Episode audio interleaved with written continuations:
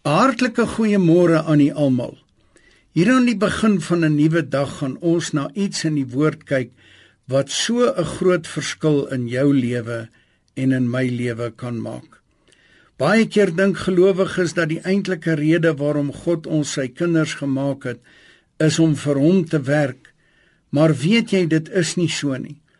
As God werkers nodig gehad het, kon hy maar net sy engele gebruik het. Nee, hy het die mens om 'n heel ander rede geskape. Hy het jou en my geskape om met ons fellowship te kan hê. Weet jy dat wanneer die Here vir ons in Spreuke 3 vers 6 sê, ken hom in al jou weë, dan sal hy jou paaie gelyk of reguit maak, dan gebruik hy 'n Hebreëse woord wat neerkom op intieme direkte kontak met God.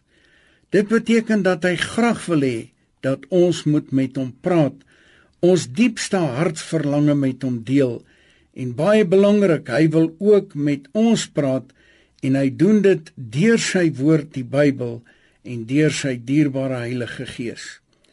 Hy wil hê ons moet hom in al ons weë ken en nie net in teëspoed nie, maar ook in al ons vreugdes.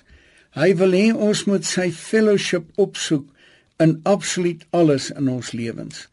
In die Nuwe Testament is die Griekse woord wat vir fellowship gebruik word, die woord koinonia. By gebrek aan 'n meer beskrywende woord in Afrikaans, vertaal ons koinonia met fellowship. Paulus skryf aan die gemeente in Korinte: God is getrou deur wie julle geroep is tot die koinonia met sy seun Jesus Christus ons Here. Ons is geroep deur God die Vader om met sy seun Jesus Christus fellowship of koinonia te hê en dit alles geskied deur die krag van die Heilige Gees. Dawid sê in Psalm 34 vers 11: Die jong leeu's ly armoede en het honger, maar die wat die Here soek, het geen gebrek aan enige iets nie. Wat 'n voorreg het ons om met Jesus te kan praat en sy stem te kan hoor. Dit was Salomo wat in Hooglied sê: Laat my u gedaante sien. Laat my u stem hoor, want u stem is soet en u gedaante is lieflik. Die skrywer van die brief aan die Hebreërs sê dan ook dat God 'n beloner is van die wat hom soek. Hier, liewe luisteraar, is die hoofdoel waarvoor God jou en my geskape het.